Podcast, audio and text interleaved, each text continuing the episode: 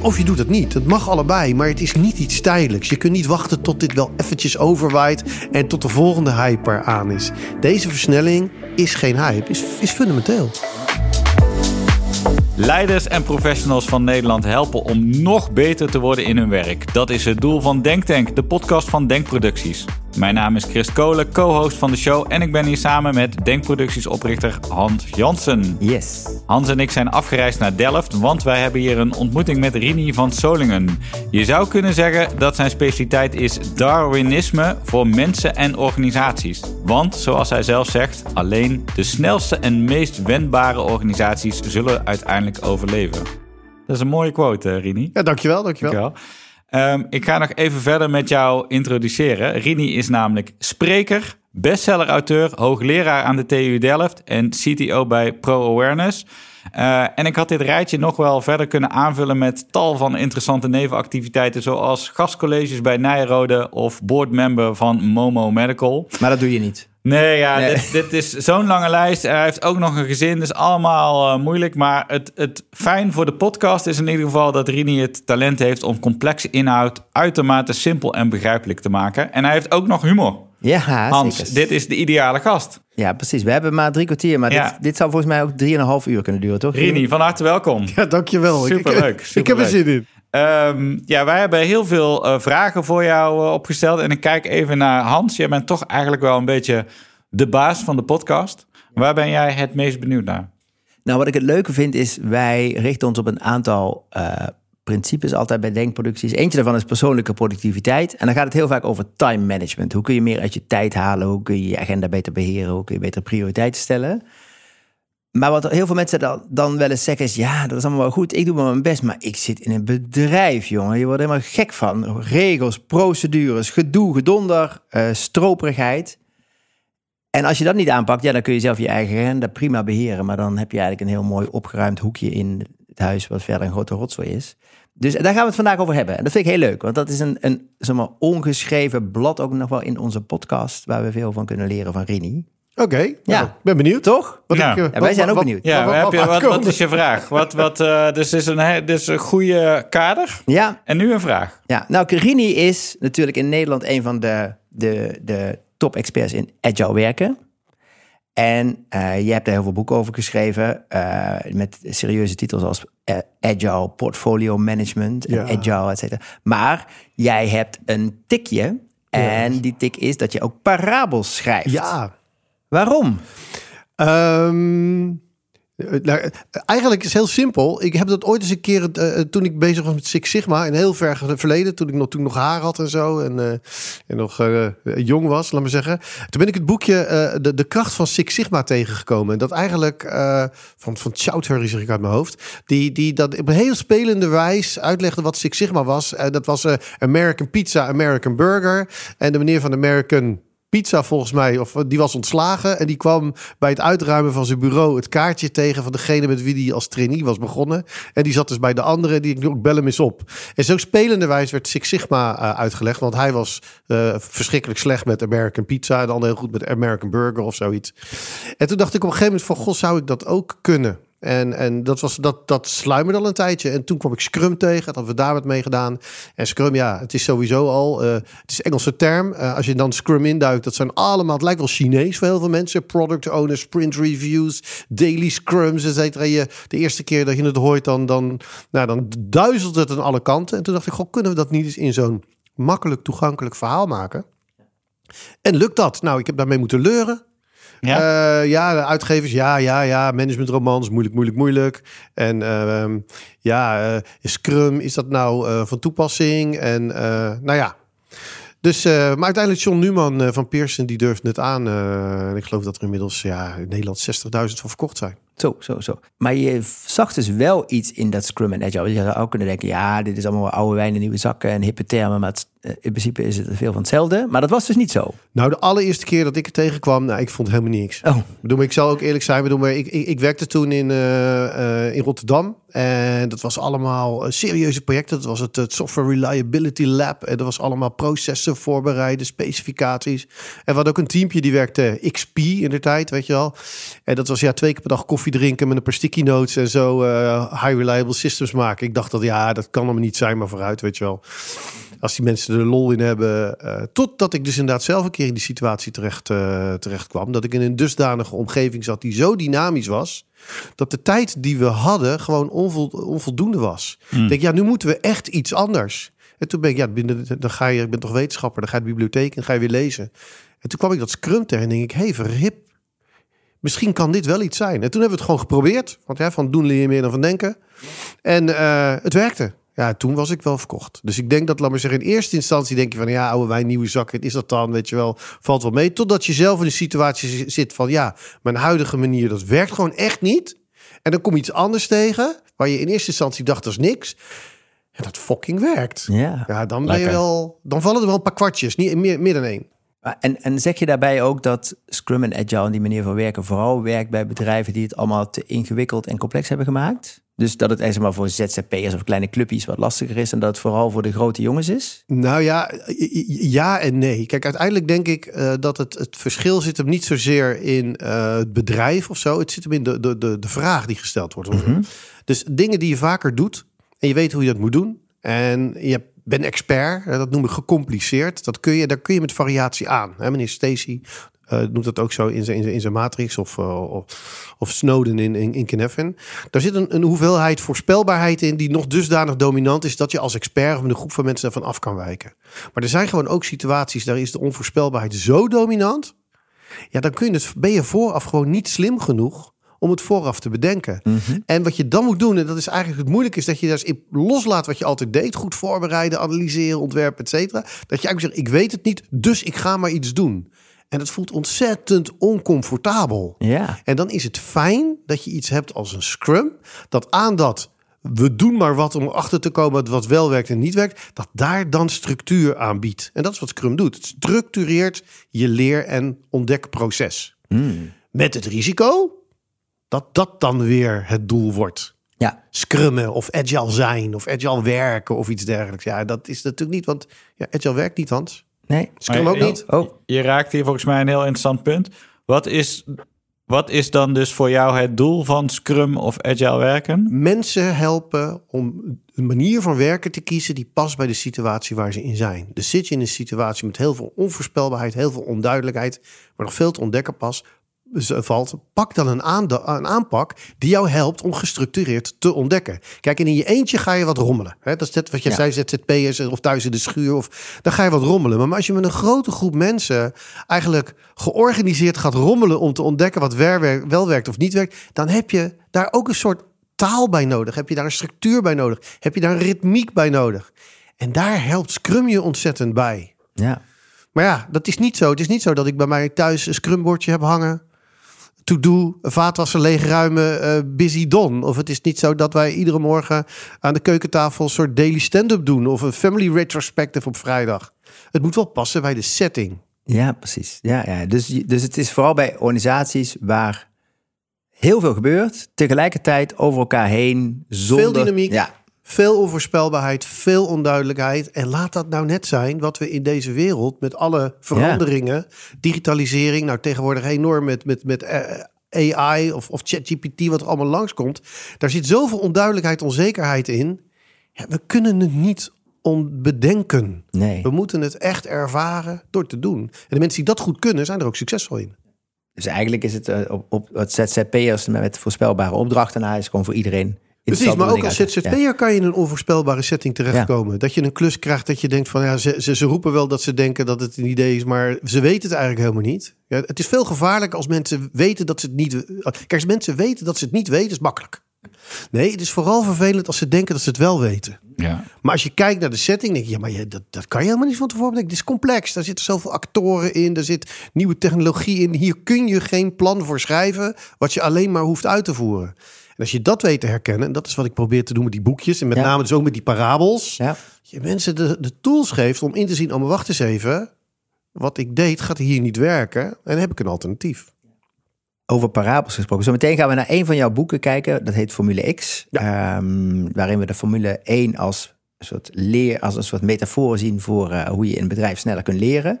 Maar als eerste, dat vond ik mooi, je schrijft dus businessromans. En daar zat ook een heel groot onverwacht zakelijk voordeel aan, las ik, of hoorde ik in een andere podcast. Ja, ik dat vond het heel geinig. Ja, dat, is, dat heb ik ook niet bedacht. dat Nee, is ook eens iets wat ja. je ontdekt. Maar laat me zeggen, ik ben natuurlijk, kijk, als wetenschapper schrijf je artikelen die worden door niemand gelezen. En dan soms schrijf je een inhoudelijk boek.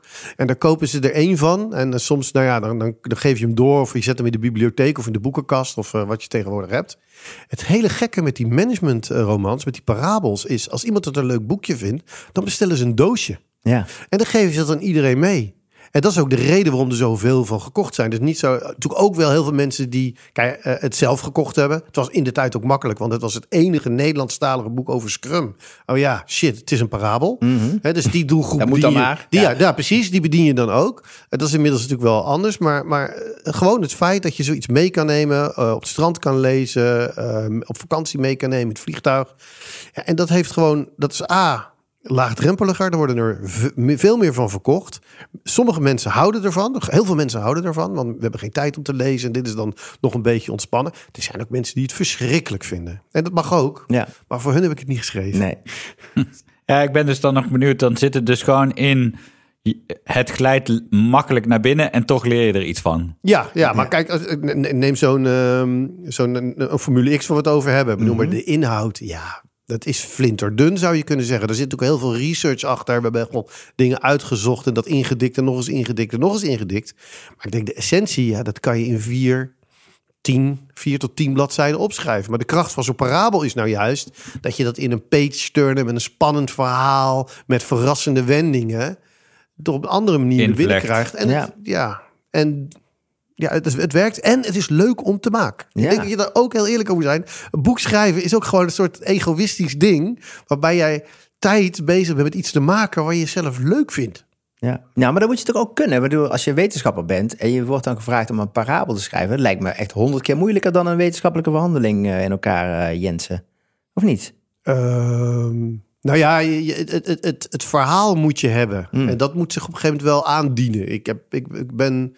Ik denk ook dat je dat soort verhalen zo, eh, zo niet kunt, echt kunt bedenken of zo. Maar je gaat er naar kijken. Je zegt, wat wil ik nou eigenlijk vertellen? Waar zou dat nou bij passen? En in dat ge, gemijmer komt dan op een gegeven moment vanzelf... dan dient het zich aan. En in het Ja. geval van Formule X was dat een keukenboer. Ja. In het geval van de bijenherder was dat een, eh, een opa die, eh, die imker wilde worden. In het geval van ehm, eh, de kracht van Scrum was het een, een, een, een, een Fin die eh, eh, langskwam en die eh, de hoofdpersoon ging helpen. Ja, dat dient zich op een gegeven moment aan. En dan denk je, nou hier kan ik het in kwijt in deze kapstok. En dan pak je die. Ja. Hey, als we even kijken naar de Formule X, daar zitten dus eigenlijk twee metaforen in. Eentje is de Formule 1 en de andere is het verhaal van de keukenboer. Ja. Ehm, maar Formule 1 is eigenlijk de, de, zeg maar, de inhoudelijke rode draad. Ehm, ik denk dat heel veel mensen in Nederland sinds de afgelopen drie jaar ineens eh, nog meer fan zijn van Formule 1. Hè? Zo werkt het dan ook weer bij ons. hè? Absoluut. Sinds Zandvoort en eh, Max. Wat, wat kunnen we echt, echt leren van Formule 1? Gewoon als we keihard in een bedrijf zitten te ploeteren. Nou, ik vind op het moment dat jij iets beter wil doen, dan kun je zelf aanmodderen. En met de kennis van nu en de, de mensen die bij je hebt, eh, zeggen van nou kunnen we dat 10% verbeteren. Nou, dat lukt altijd wel. Maar ik vind het altijd op het moment dat je zegt ik wil echt grote stappen zetten. Kijk dan naar een omgeving die totaal niet op jou lijkt, maar die er wel heel goed in is. Ja? Jat daar de helft en doe het half zo goed. Dan zet je vaak nog een veel betere stap, veel grotere stap dan wanneer je zelf aan gaat zitten klieren. Of er een consultant bij haalt of zeker. Dus op het moment dat je het hebt over, over snelheid en over versnelling. Wat is nou, en de sport, maar je zou ook een heel andere tak van eh, iets kunnen kiezen. Maar in dit geval de sport. Welke omgeving draait het nou in alles over snelheid en ontwikkeling? Ja, dat is de Formule 1. Ja. Dus dan is dat een hele mooie omgeving om te kijken wat doen ze daar nou. En dan blijkt dus als je daar induikt dat daar echt veel is over opgeschreven. Ook echt inhoudelijke boeken. Eh, eh, eh. ja, en dan ga je lezen en dan ga je nog een keer lezen en dan ga je video's kijken. En dan op een gegeven moment, ja, dan raakt het je en dan word je enthousiast. En dan krijg je door dat het anders in elkaar zit dan je dacht. Ja, dan ben je verkocht. En dan heb je dus bij de Formule 1. Wat mij ontzettend intrigeert, het is één groot leermachine. Alles daarin draait om leren. En niet leren in een klaslokaal. Nee, het is leren met je poot in de modder. In ieder geval met de wielen op het asfalt. En bij alles wat je doet, is het resultaat neerzetten weliswaar het doel. En je probeert dat iedere keer maximaal te doen. Maar eigenlijk is het een soort bijproduct van het leren. Ja. Dus wereldkampioen word je niet omdat je wereldkampioen wordt. Je wordt wereldkampioen omdat jij in alles wilt leren, het maximale eruit wil halen. Achter te komen waar ligt de grens. En hoe kunnen we die grens verleggen? En als je dat als het snelste doet, en dat zie je in de Formule 1, hè, het, het, het team dat het snelste leert, die wint. Mhm. Ja, dat integreert mij mateloos. En dan zeker als ik dat dan kijk naar organisaties waar ik nu kom. Weet je wel, klantorganisaties, et cetera. Die juist eigenlijk vanuit gaan van stabiliteit. Doe maar rustig aan. Niet de grenzen opzoeken. Eh, Stel je voor, dan vliegen we uit de bocht. Als ze met die, met die mentaliteit de Formule 1 zouden rijden, dan win je geen race. Nee, nee. Nee. Een van de mooie dingen die jij eh, ook zei is dat, dat eh, als je de tijd die je de eerste race klokt met je auto, als je die aanhoudt, als je dus hè, de eh, eerste bent in de eerste race, de tijd die je dan aanhoudt, dan zou je in de laatste race laatste worden. Ja, ja dat, precies. Dus zo, die teams die ontwikkelen dusdanig door. Ik bedoel, Dit jaar was Haas was gewoon een, een, een drama. Hè, Het speelt in de Formule ook nog wel iets met geld. Maar misschien, hè, dat is, alles heeft zijn nadelen. Maar zelfs als je de, de, de, de, de auto, de, de Haas in de laatste race zou klokken. En je zou die vergelijken met de, de eerste race van Red Bull. Nou, dus misschien Red Bull een slecht voorbeeld, want die waren dit jaar zo dominant. Ja, ja, ja. Maar laten we zeggen, derde team, pak een Ferrari of pak een, eh, een Aston Martin. Dan is die Haas in die laatste race sneller dan dat team in de eerste race. Maar doordat ze natuurlijk allemaal aan het ontwikkelen zijn, eh, ja, blijf je die voorsprong houden. Ja, ja. dus het is, want ik, ik, ik hoorde ook dat je op een gegeven moment zei, de debrief duurt langer dan een race. Is het Ja. echt zo? Zijn ze echt zo geobsedeerd met verbeteren en versnellen en leren? Ja, kijk, ik, heb niet bij, ik ga niet bij ieder team iedere debrief Nee, klokken. nee, weet nee, je wel? maar laten we ja. zeggen, als je, als je kijkt, laat maar zeggen, wat er over geschreven wordt, wat er over verteld wordt. En natuurlijk een race waarmee je drie, ding, drie vingers in je neus. Zelfs dan gaat het over leren. Zal de debrief korter duren dan bij races waar je het meeste van kunt leren. Maar in principe kan je gerust zeggen dat de debrief. En je doet het meteen na de race, maar er wordt daarna in de fabriek ook nog gekeken, et cetera. Dus als je kijkt, alles wat er op basis van de race geëvalueerd en gekeken wordt, hoe kan het beter worden, dat duurt fundamenteel veel langer dan de race zelf. Dat is maar ja, anderhalf uur, één uur, drie kwartier. Ja, ja. En hoe zou je dat vertalen naar een gemiddelde bank, slash verzekeraar, slash overheidsorganisatie? Wat kunnen ze heel makkelijk ervan overnemen? Ja, dat is natuurlijk lastig hebben. Maar dat is er 1, 2, 3 dat je zegt van op, op dat vlak. Nou, maar ik zou zeggen van in, wat is nou je primaire proces? En ik vind banken en verzekeraars, is een goed voorbeeld. Het primaire proces van veel banken en verzekeraars is inmiddels al grotendeels geautomatiseerd. De dingen die ze nog niet geautomatiseerd hebben, zijn de uitzonderingen. En zelfs daar zijn grote stappen aan het zetten. Hè. We doen maar eh, heel veel dingen wordt gewoon ja, betalen, et cetera. Gebruik je nog acceptgiro's, eh Hans? Mm, Nee. Heb je nog, eh, is heb op. je nog, heb je nog een, ge- een garage vol met bankbiljetten staan? eh, denk ik niet. Dat weet wel. je wel. Dat wel. oh, je woont in Veghel. Nee, maar dus, dus er is, dat is allemaal... Tegenwoordig, veel klantcontact gaat via een, klanten, eh, een klantencontactcenter. En zelfs daar zie je de automatiseringen door, eh, doorlopen. Eh, ik weet dat bijvoorbeeld... eh, nou, pas geleden, vorige week nog een, presentatie meegemaakt van een, eh, g- een grote eh, verzekeraar in Nederland. En die vertellen dus gewoon dat de klantservice alle calls die worden automatisch getranscribed, worden automatisch aan hun eigen ChatGPT-omgeving gegeven. Dus op het moment dat je de telefoon ophangt, heeft degene van die verzekeraar al een samenvatting van het gesprek in zijn beeld staan. Dat kan die aanpassen als hij dat wil, maar je kan ook gewoon. En, en dus de tijd dat we, laten we zeggen, met ChatGPT zitten te praten, die is dichterbij dan je denkt. Ja, sterker nog, benoem maar, zit jij wat met ChatGPT te clearen? Zeker, zeker. Nou, nee, jij ook. Als je nu een chatbot tegenkomt op een website en hij haalt niet dat niveau, dat irriteert je mateloos. dan vergeef je het ze nog. Ja, oh, oké, ik niet meer. Maar, over drie ja. maanden niet Oh, meer, hè? Nee, nee, nee, over drie nee, maanden niet meer. Ja. En het is zo. Maar daar zit dus wel de uitdaging voor dat soort bedrijven. Ja, Dus ook, en ook daarvan is het weer gewoon: doe het nou gewoon. Zet het nou gewoon een keer live. En natuurlijk snap ik dat met klantgevoelige gegevens. dat je dat niet naar Amerika of China wil sturen. Dus dat je ja, je eigen ChatGPT-omgeving wil hebben. op je eigen eh, digitale omgeving. Dat het niet naar buiten gaat. Maar dat kan allemaal. Maar doe het gewoon. Ga daar nou geen plannen voor zitten maken. Ga dat nou niet zitten bedenken. Kies er eentje, zet het neer en ga ontdekken wat daarvan werkt. Dus gewoon het leren door te doen Mhm. centraal zetten in plaats van te denken dat je slim genoeg bent om het vooraf te bedenken. Want dat, die tijden zijn in de meeste omgevingen echt voorbij. En wat dan wel interessant is, is dan... Want dat is dus eigenlijk het, als we het oneerbiedig zeggen, het aanrommelen. Hè? Dus je leert sneller door te doen. Ja. En dan is dus eigenlijk, zeg jij, de methode om iedereen daar een beetje de- hetzelfde doel in te krijgen, is dan Scrum.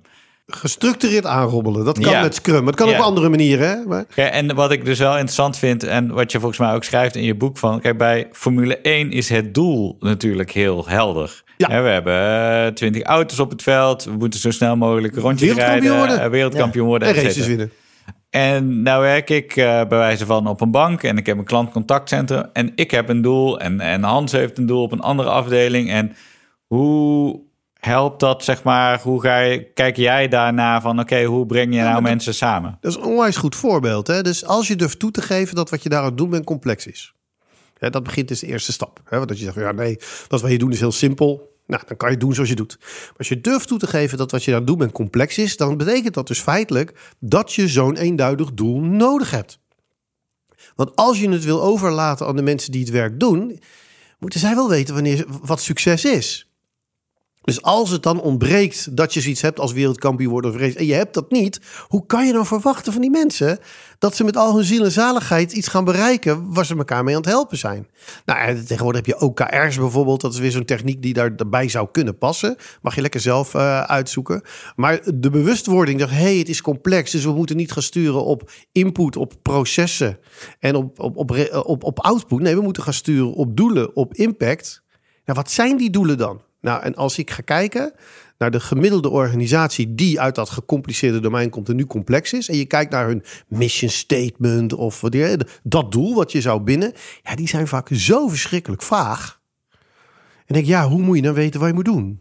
Ja. En het is logisch dat die heel vaag zijn. Want ja, dan kan je tenminste nog eh, daarvan afwijken in het jaar, et cetera. Maar ik denk dat we in een tijd dat we accepteren dat complexiteit een norm is, dat we het dan aan teams over willen laten om succesvol te zijn, dat ze een hele heldere definitie van succes nodig hebben. Dus dan kunnen ook die mission statements, die mogen wat mij betreft weer eens tegen het licht worden gehouden. Want alleen maar met eh, ja, dat soort vage eh, omschrijvingen. Hè. Join to working on a better, brighter future Ja, for of everybody. happy travel. Of Ondernemen doe je met mensen. Ja, ja, ja, ja. Eh, Mooi. betalen, eh, betalen zonder zorgen Ja, of zo. ja, Ja, ja, dat, ja. klinkt leuk voor de marketing. Ja, ja. Prima, weet je wel. Ja. Maar het helpt je mensen niet. Ik kan er fantastische Nee. t-shirts van maken hoor. Ja. Dus, eh hey, want het brengt ons misschien maar eventjes naar... eh, want jouw boek is dus een, eh, een parabel van een keukenboer. Ja. Die denkt vanuit de eh, Formule 1 gedachte. En daarmee eigenlijk als doel heeft letterlijk de productietijd drastisch naar beneden Ja. brengen. Hè? Van, eh, van veel te lang naar uiteindelijk een week. Dus Ja. Is in een week gewoon een keuken van Bestel- bestellen.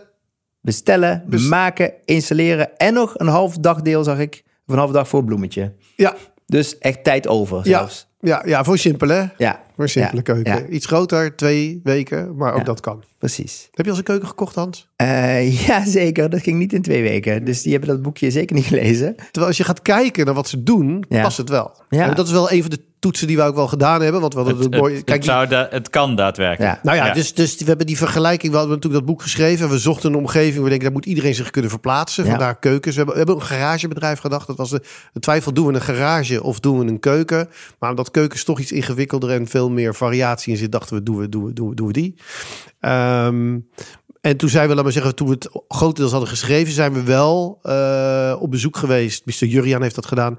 Naar een, een, een, een leverancier van maatwerkkeukens. Daar hebben we tegen aangehouden wat wij hadden bedacht. En met de toets, zou dit überhaupt wel kunnen? Want Ja. op het moment dat het niet zou kunnen, ja, dan moet je, dan moet, natuurlijk, dan moet je het niet doen. En eh, die zei, ja, dit kan. Hè, Mhm. Dit snijdt hout.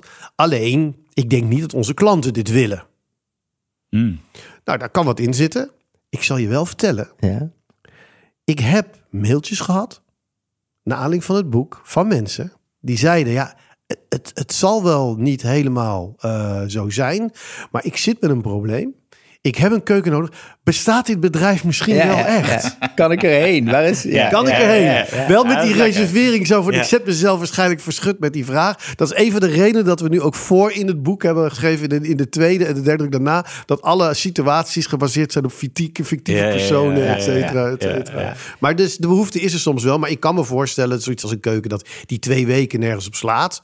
Tegelijkertijd, de huidige drie tot zes maanden, die, die slaat echt helemaal nergens Maar eh, jij bent ook een beetje co-founder van startups en zo. Ik zie hier nog wel even een, een side business. Dat je gewoon een hele simpele website en vervolgens ga je een partnership aan met Ja, wie weet, die dit daadwerkelijk doet. Het zou kunnen, het zou ja. kunnen. Ik weet niet. Maar eh, ik heb toevallig, wij zijn nu een nieuwbouwhuis aan het kopen. En ik heb niet de behoefte om dat tot het allerlaatste moment uit te stellen. En dan in Nee, twee weken nee, de keuken nee, te laten plaatsen.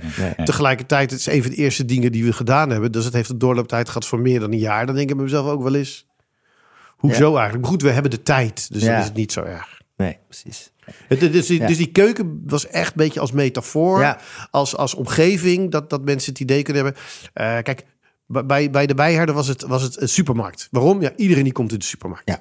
Eh, iedereen heeft een keuken. Dus voor zo'n zo'n managementroman, ja, jij noemt het een parabel. Ik vind Ja. managementroman Klinkt klinkt, beter. Parabel klinkt een beetje eh, kort verhaaltje. Ja, Ja, of, met beesten. Maar dat, misschien ligt dat aan mij hoor. ik Oh, weet niet of dat oké. moet. Oh, dat, dat is het pratende eekhoorntjes of zo. Misschien zit het in mijn hoofd. Dus je hebt een setting nodig waar iedereen zich kan verplaatsen. En dat vind ik wel, wel, wel grappig. Is dat, laat maar zeggen, we hebben eh, Robert Doornbos gevraagd om het voorwoord te schrijven voor Formule X. Dat heeft hij gedaan. Het boek gelezen. En, en, eh, en- die zei ook, ja, het enige jammer vind ik eigenlijk dat het boek gaat zo weinig over de Formule 1. Ja. Het gaat eigenlijk over keukens. Ja, Maar goed, het mooie is dat iedereen herkent de frustratie van...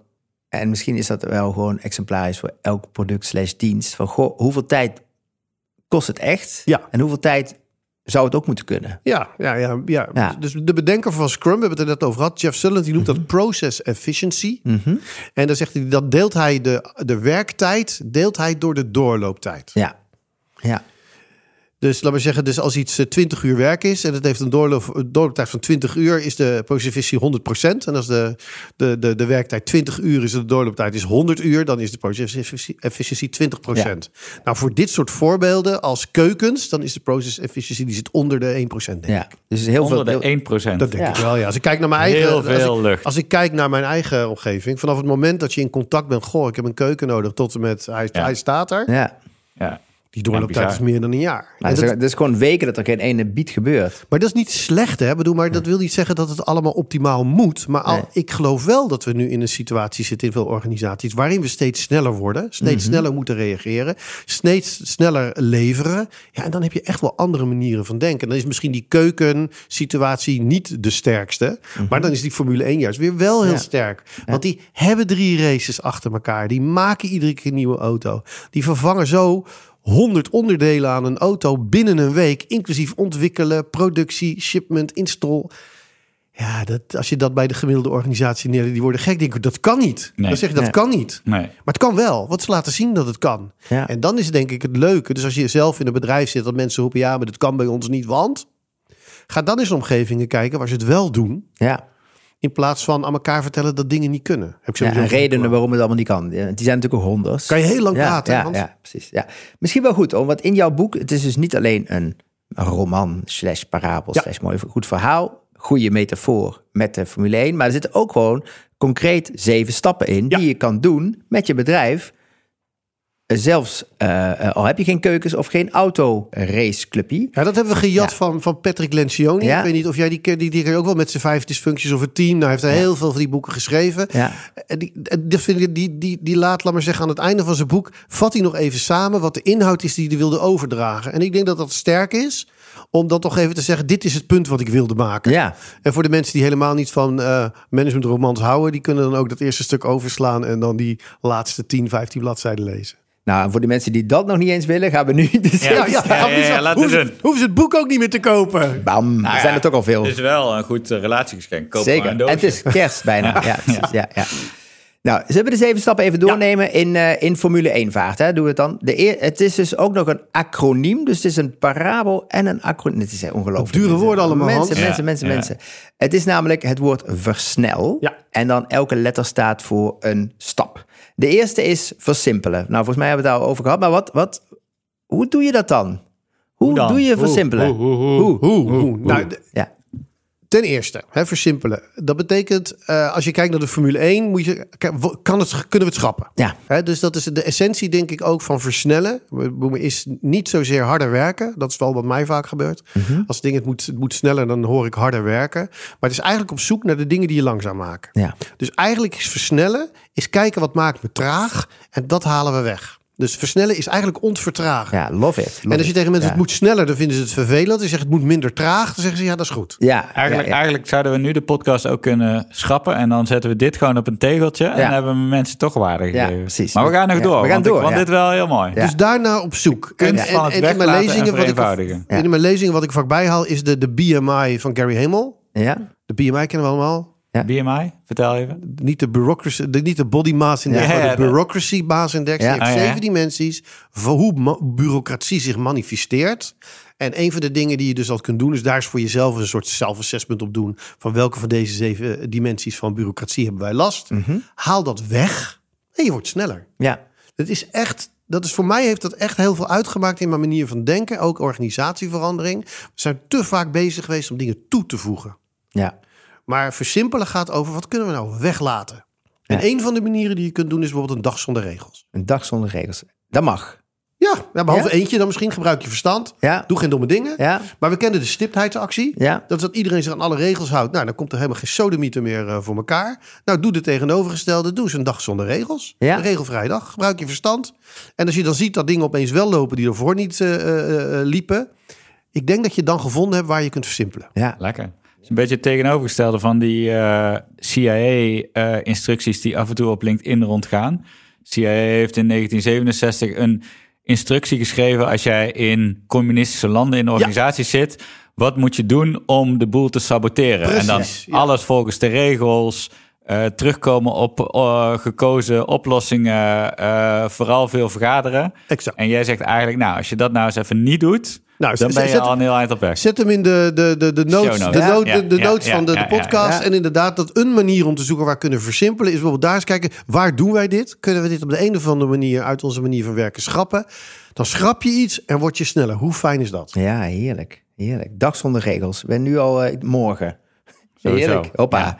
Hey, de tweede, daar hebben we het al een beetje over gehad. Daar hebben we nu voor simpel gehad. En de E staat voor eenduidige richting. Ja. Dus heel duidelijk weten waar zijn we er eigenlijk voor? Ja. En voor wie? Precies, ik denk dat we dat afgedekt hebben met, laten we zeggen, doel. Wat is de definitie van succes? Wat ik wel interessant vind bij de Formule 1... is bijvoorbeeld dat ze die ook vertalen in een, in een vraag. Ja. Dus op het moment, hè, zo'n zo, zo'n Red Bull Racing team, ja, dat zijn eh 1200 mensen eh, momenteel volgens mij. Die hebben echt meer dan e- één idee per jaar. Dus de vraag is dan altijd van, wordt de auto er sneller van?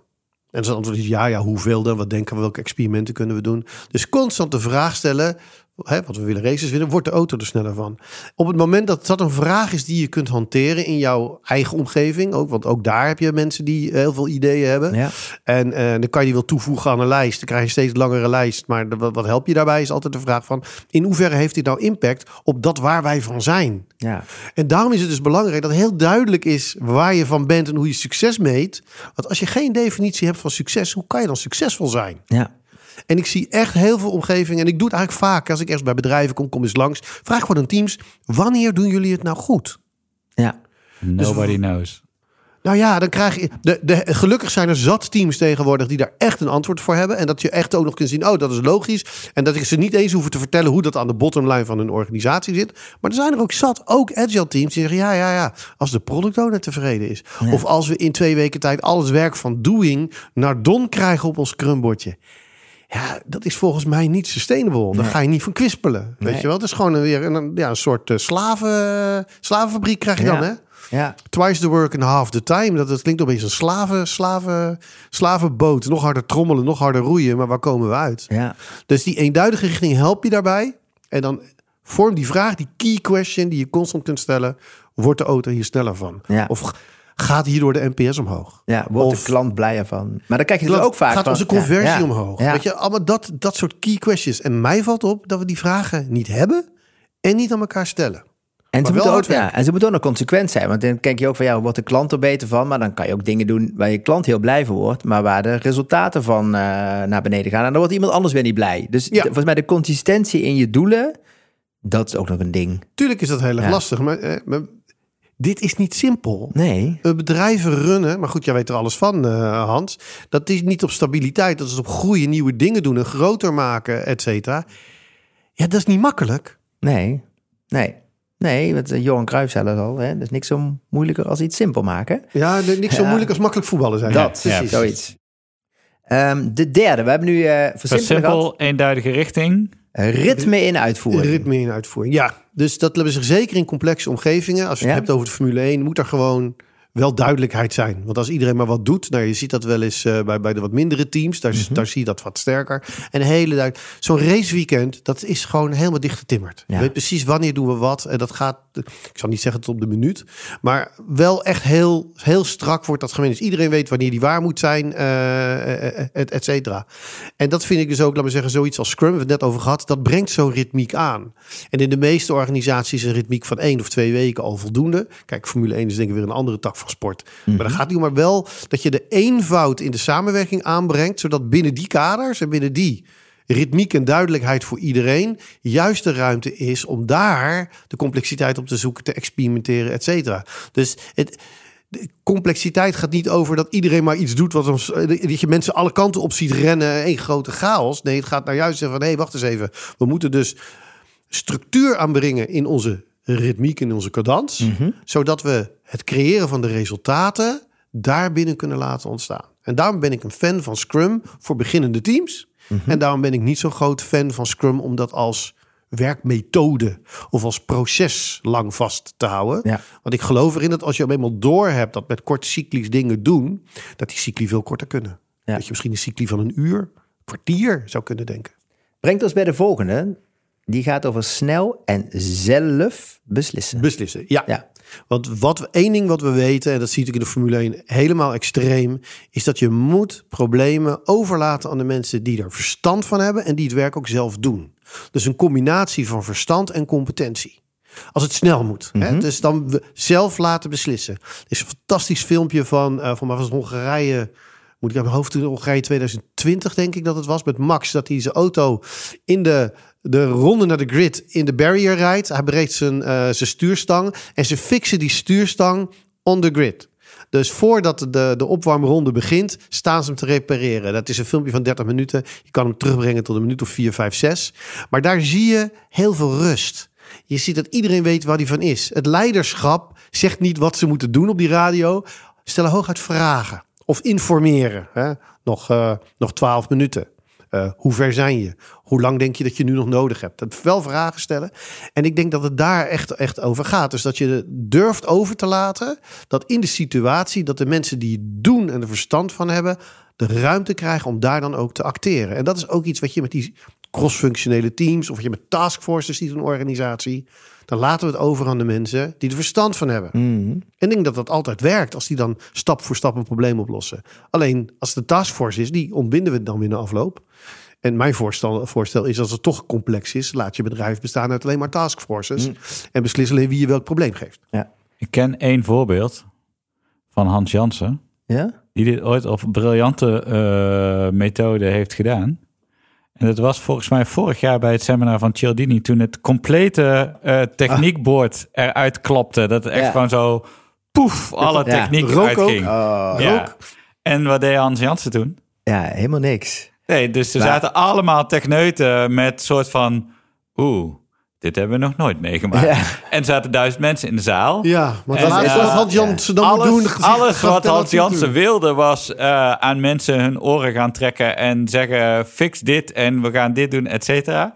Maar ik was daarbij en toen deed hij een stap terug. Ja. En toen zei hij, eh, nou, het is nu pauze, dus jullie hebben eh, 15 minuten. Ik hoor graag wanneer het gefixt is. Maar alles in je roept, schreeuw die gasten vooruit en schreeuw dat het werkt. Maar dat werkt natuurlijk niet. Nee. En weten ja. al lang Ja. dat er iets aan de hand is. Wie, Ja. wie ben jij dan om? Dus het enige wat je kunt doen is zeggen van... eh, kan ik je helpen? Want als zij Ja. zeggen, het duurt een uur, je krijgt een kwartier... kan ik je ergens mee helpen? Mhm. En je kan ze informeren. En daarna moet je erop durven vertrouwen... dat ze met alle kennis en kunnen dat doen. En dat kunnen we echt van het Formule 1, 1 leren. Ja. Ik ben ooit eens, Ja. was- ik ben eens een keer bij Barcelona... bij de Grand Prix geweest. Hadden we VIP-kaarten, ander verhaal misschien voor de laatste keer, van een andere keer. En dan zijn we, waren in de garage toen ze een bodemplaat vervingen. Nou, een bodemplaat is voor de aerodynamica cruciaal. Niemand mag die zien.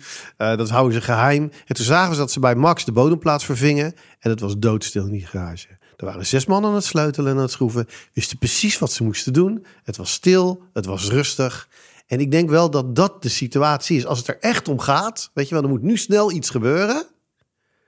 Dat is wat je doet. Je bent je eigenlijk aan het voorbereiden voor de momenten waar het om, om, waar, waarom het om doet. Hmm. En dat is wel echt wel zoiets vanuit de Formule 1 waar ik, waar ik echt heel veel respect voor heb. Met name dat die door die ritmiek, dat die, die handelingen, die pitstop is natuurlijk ook zo'n ding, weet je wel. Dat wordt er ingeslepen. Ze oefenen die pitstop gewoon tien keer per dag. Iedere dag, hè. Ook in de fabriek, dan wel met een elektrische mhm. auto. Maar ook op de grid pitstop practice. Als je, als je ooit een keer de kans hebt om uh, op, op, op, op, op een vrijdag of een zaterdag naar de, naar de Formule 1 te gaan, ga vroeg. En dan zie je al die teams pitstop practices doen. Mm. Waarom?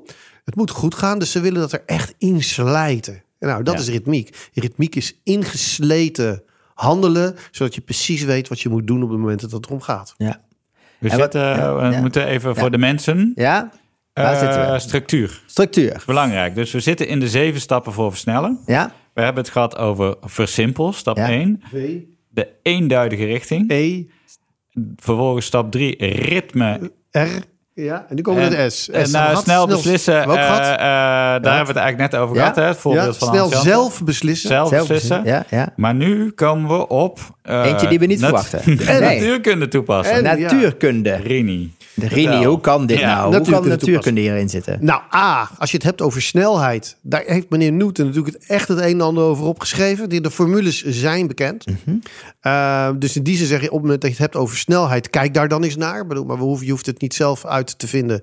De basis staat bekend. Hè? Uh, v is AML T. Uh, nou goed, je kent, je kent ze misschien nog van Binas. Uh, hoe het echt gekomen is, is dat ik, uh, dat was bij een ander boek, ook een parabel, de Responsive Enterprise, heb ik samen met Vikram uh, Kapoor geschreven. En Vikram die zei tegen Rini, we hebben een formule nodig voor, voor responsiveness. Ja, een formule. Ik zeg, wat bedoel je met een formule, weet je wel? Nou, gewoon een wiskundige formule. Net zoals de, de, de, de formules van de, de wetten van Newton. Hmm. Dus ik, ja, Newton zat dat ook alweer. Dus ik ga naar die wetten van Newton. Nou, ik weet niet of je ze nog uit je hoofd kent. Zeker niet. Nee. Hans. Nou, die heeft drie wetten. De eerste wet is snelheid is constant. Mm -hmm. Tenzij je iets doet, hè, vertragen of versnellen. De derde wet is actie is reactie. Die kennen we ook allemaal. Maar die tweede wet, dat was de moeilijkste, die vergeten we. Dat is uh, F is M mal A. Kracht is massa keer versnelling. Mhm. Of, als je hem omschrijft, versnelling is kracht gedeeld door massa. Ja. En dat is precies wat wij nu zien bij bedrijven en in onze maatschappij. Versnelling is kracht gedeeld door massa. Dus kracht, dat zijn de hoeveelheid geld, de hoeveelheid mensen, de, de, de, de computing power die erin gooit, gedeeld door de massa. En wij zijn met digitalisering in alle bedrijven de massa van onze primaire processen aan het verkleinen. Want software weegt niks, data weegt niks. Dus we hadden papieren dossiers, die maakten het langzaam. Die vervangen we door digitale dingen. Nou ja, dan versimpel je het. Je haalt de vertragende factor eruit en dan versnelt het. En juist door digitalisering ver, verlagen we de massa in het systeem van een bedrijf, een maatschappij, et cetera. En dat is wat we zien. Doordat we met dezelfde hoeveelheid mensen met minder massa aan het werk zijn. Hè, versnelling is kracht gedeeld door massa. Ja. Ervaren we die versnelling. En ik denk eerlijk gezegd dat we maar aan het begin staan. En, en, en, en dat, dat alle beloftes die we hadden over digitalisering, dat we zo eindelijk nu pas beginnen door te krijgen hoe, hoe dat kan werken. En dat als je dat niet heel snel oppakt, dat dat echt bedreigend kan zijn voor jouw organisatie. Want er zullen anderen zijn die het wel kunnen. Ja. Hè, de, dus was zo mooi van uh, AI gaat mensen werkeloos maken of zo. Of weet je wel, of uh, AI is gonna steal your job. Nee, ik geloof er niet in. AI gaat niet jou, jouw werk pikken. Maar iemand die AI kan bedienen wel. Ja. Ja. En het is aan jou Ja, om je ja. erin te verdiepen. Hè? Ja. Bedoel, maar het hoeft niet. Het mag. Ja. Het hoeft niet. Het kunnen doen. Het mag. Maar als je het niet overleven is niet verplicht. Dat is denk ik wel een belangrijke eh, ding. Als het ook over veranderen gaat. Het is niet verplicht om te overleven. En ook de, de getallen in de geschiedenis laten zien dat de gemiddelde leeftijd van een organisatie enorm teruglopen is. Hè? Er is van die statistiek over de Fortune 500 Mhm. eh, bedrijven. Dat, dat komt van eh, gemiddelde leeftijd meer dan 50 jaar. Dat beweegt zich echt richting de 5. Mm. Kijk, naar de top 10 nu. Daar zitten bedrijven in die, die 20 jaar geleden niet bestonden. Ja. Ja. En dus daar zit die verandering, die, de natuurkunde kan dat onderbouwen. Zeggen, nou, hoe spannend is dat dan? Waarom is dat nou? Dat helpt je in verandertrajecten of dat helpt je bij bedrijven of klanten om uit te leggen dat dit niet iets is wat we met z'n allen bedenken of zo. Het is niet dat je iets moet doen omdat de baas op training is geweest of een leuk boekje heeft gelezen of iets dergelijks. Er zit een fundamentele versnelling is er gaande in de maatschappij. En je, pakt, je stapt daarop in en je accepteert dat. En je kan mathematisch aantonen via de natuurkundewetten dat het zo is. Je moet het nog wel zelf doen. Ja, of je doet het niet. Het mag allebei, maar het is niet meer zo. Het is niet iets tijdelijks. Je kunt niet wachten tot dit wel eventjes overwaait en tot de volgende hype er aan is. Ja. Deze versnelling is geen hype, is, is fundamenteel. Ja, ja, en je moet dus werken aan je massa, want daar zijn we dus te weinig mee bezig. Want we hebben, zijn nog steeds topzwaar en eigenlijk zeg je, eh werk aan je massa aan de onderkant van de, van de, van de Ja. eh, equation. Dat gaat, dat, Dat, eh, dus digitalisering doet het voor zich, maar in jouw organisatie zelf ook minder diensten. Kijk, naar, je- kijk, kijk dat je bedoelt bij Denk. Mhm.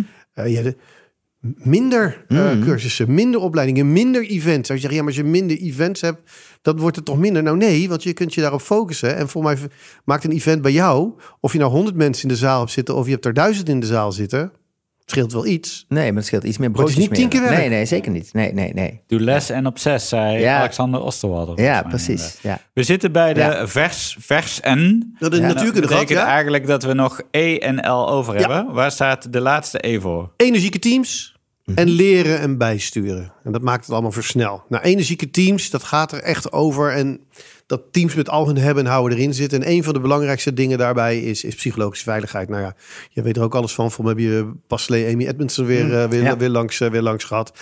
In complexe omgevingen ga je dingen doen die je nog nooit eerder hebt gedaan. Ga je ontdekken wat wel en wat niet werkt. En wij krijgen vanuit onze opvoeding, vooral van onze opleidingen mee... dat dingen die niet werken, betekent dat jij dom bent, jij niet goed bent, jij slecht bent. Maar dat is natuurlijk niet zo. Hè, bedoel, maar uiteindelijk als je nieuwe dingen aan het doen bent, dan moet het mis, mislukken. Want eh, er gaat nooit iets lukken als je niet bereid bent tot mislukking te komen. Dus psychologische veiligheid is hierin cruciaal. Dat je teams met alle energie erin gaan wat ze doen en dus niet bang zijn. Hmm. Dus ik denk dat hè, als we het hebben over een thema voor de komende vijf, misschien wel tien jaar, naast versnelling, denk ik dat dat psychologische eh, veiligheid is in organisaties. Want die komen af van situaties van plannen maken, controleren, planning and control. En je zit nu in een situatie waarbij je gestructureerd aanmoddert. Ja. En aanmoddert heeft natuurlijk een negatieve, maar door hè, sense and respond, inspect en adapt Ja. als alternatief. Dat lukt alleen als je het oké is om fouten te maken. Zijn ook geen fouten. Of eh, Jan van Zetten zegt dat zo mooi. Hè, bedoel maar zo snel mogelijk allemaal manieren ontdekken die niet werken. Ja, precies. Ja. En op het moment dat je daar heel goed in bent, maar je manieren ontdekken die niet werken, zal je zien dat jij de eerste bent die manieren vindt die wel werken. Ja. Ja.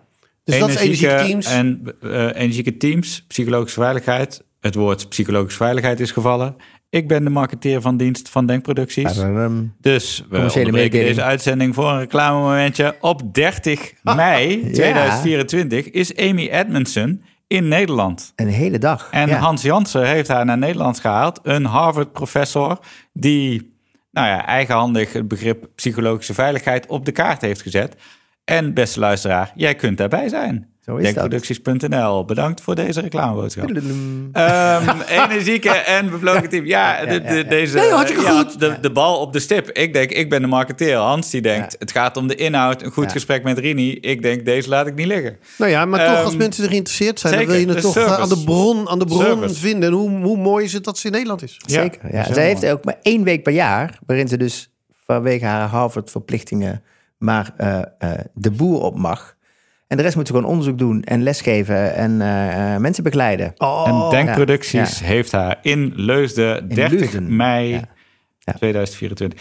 Energieke teams was de één na laatste. De leren, en laatste. bij- leren en bijsturen, Ja. de laatste. En ik denk dat, dat we zeggen, we we hebben het de hele tijd over gehad, de Formule 1 ergens in, in, in uitblinkt, is het dat wel. Ja. Het is één geoptimaliseerd leerproces. Zo'n coureur rijdt die ronde op de max. Niet zozeer omdat hij dat wil. Ja, dat wil hij wel. Maar eigenlijk wil je dat omdat je dan kunt ontdekken op basis van je data hoe je hem nog sneller kunt, kunt, eh, kunt rijden. Iedere bocht zo snel mogelijk proberen aan te op, op het scherpst van de snede. Want daar ga je ontdekken wat het is. En dat gebeurt van bocht naar bocht, van ronde naar ronde, van race naar race, van jaar naar jaar. Alles staat in het teken van leren, omdat ze zich heel erg realiseren dat degene die het snelste leert wint. En koppel dat dan eens naar jouw eigen organisatie, wat dat ook is. Je zijn een Mhm. bank, een verzekeraar, eh, maar, dat, maar het kan ook een supermarkt zijn. Het kan een, eh, nou, waar je ook werkt. Hè? Het kan een techbedrijf zijn, een e-shop, et cetera. Is nou die focus steeds sneller leren succesvol te zijn? Of is het proberen zo optimaal mogelijk succesvol te zijn door wat je doet? En ik, ik, ik denk dat, we dat, dat dat niet sustainable is. Dat, dat primaire leerproces in combinatie met leveren. Dus niet, niet leren aan de zijkant en dan ook. Nee, gewoon het, het combineren van leren en doen. Ja, daar zit de uitdaging in. En de meeste organisaties doen dat niet. Nee. En dat kan je van de Formule 1 leren. Leren en bijsturen. Ja. Zeven Ja. stappen. Zeven stappen. Ik heb nog één soort accolade eromheen. Want de mensen die hier naar luisteren zijn vaak leidinggevenden. En als je kijkt naar de Formule 1 en ook naar de, de lessen van agile werken, et cetera, is het vereist een andere manier van leiding geven. Je hebt, in de Formule 1 heb je de teambaas, maar dat, is eigenlijk niet, dat draait het eigenlijk niet om. Dus je liet dat net ook in Berken, die vraagt eigenlijk alleen van, joh, het liggen we nog op Ja. schema, hebben we, hè? Heb je nog wat nodig? Het gaat allemaal om de coureur en de auto en het team. En eh, ja, bij de coureur met de engineer, dat Ja. is zo'n zo'n symbiotische relatie. Ja. Maar ook eh, de, de engineers, de, de, de automonteurs, de, de, de chief designer zit aan de pitwall. Dat moet ook eh, zien. Hè? Dus laat maar zeggen, Adrian Newey, de ontwerper van de auto, zit bij het grootste gedeelte van de races op het circuit aan de pitmuur. Zou je zeggen, ja, kan hij dat niet doen vanuit dat kantoortje eh, in Engeland? En dan achteraf die data eh, nakijken.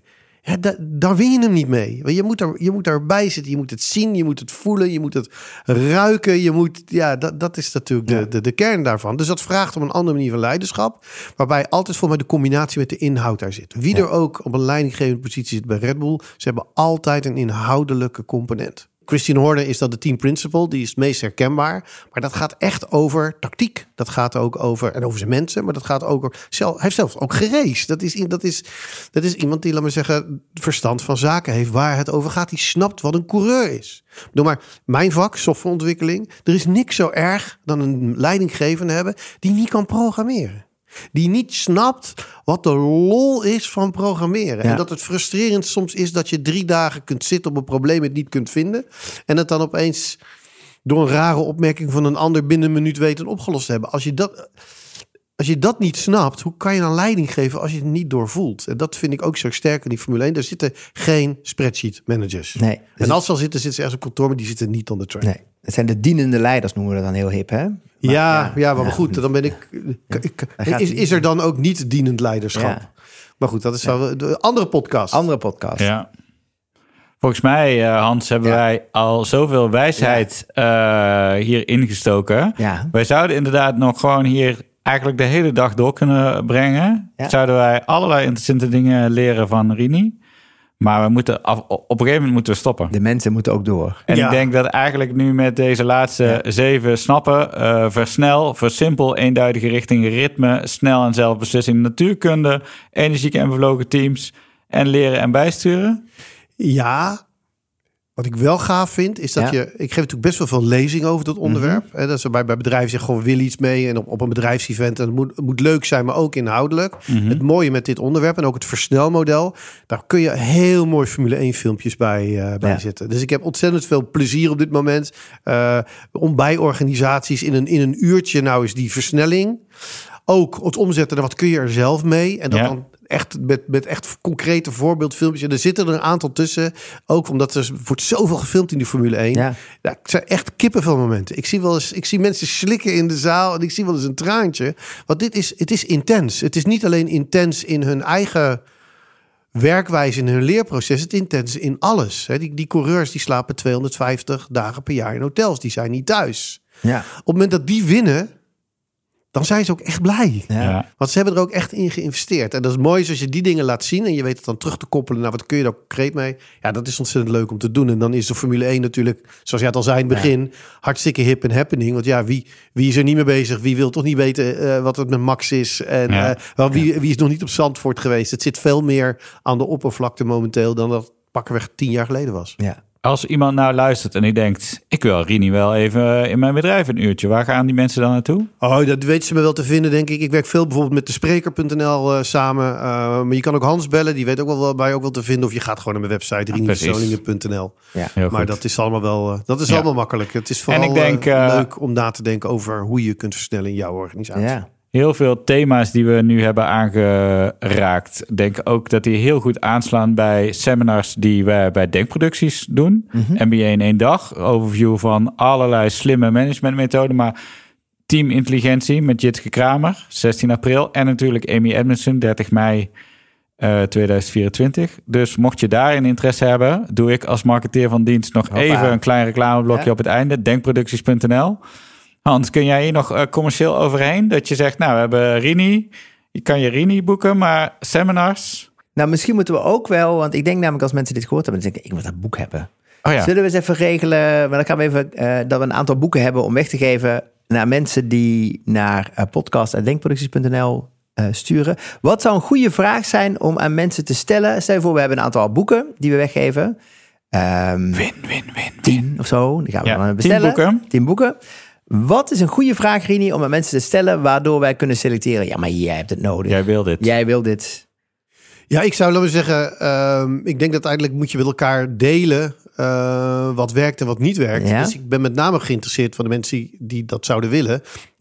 Is welke vertragende stappen jouw manier van werken of welke verstra- vertragende factor in jouw organisatie heb je op basis van wat we hier besproken hebben weggenomen of Ja. kan je wegnemen nemen om dan te stappen dat je daardoor sneller wordt. Dus ik zou voorbeelden willen zien van dat wat maakt je langzaam en kun je vrij eenvoudig schrappen. Dus Ja. dan komen we terug bij versimpel, de eerste stap uit het model. Als je nou dus iets hebt waarvan je denkt, ja, daar moet wel wat versimpeld worden in onze organisaties, mail dan even dat je zegt, ja, ik heb dit, ik werk daar en eh, ik denk dat dit boek mij kan helpen. Ja. Stuur een mailtje naar podcast.denkproducties.nl. En dan, En hoef je, dan boek? hoef, ja, dan hoef je nog niet eens gedaan te hebben. Want als je denkt, dan, Nee. hè, als je denkt ik loop hier tegenaan en dat boek kan me helpen. Dus je hoeft niet een oplossing in te dienen. Maar je mag ook een prangende Je zegt vraag gewoon, ik Ja. heb een probleem Ja. en dit boek kan mij helpen. Stuur Ja. boek. Ja. Podcast.denkproducties.nl. En misschien, Ja. we kunnen niet beloven, er gaan natuurlijk heel veel mensen mailen, Ja. maar grote kans dat jij een boek krijgt. Zo. Ja. Hey, dankjewel voor het luisteren. Eh dankjewel Rini. Ehm, als je dit leuk vond, vergeet dan niet om even de podcast in je favorieten te zetten. Stuur hem door naar je collega's, bel je moeder.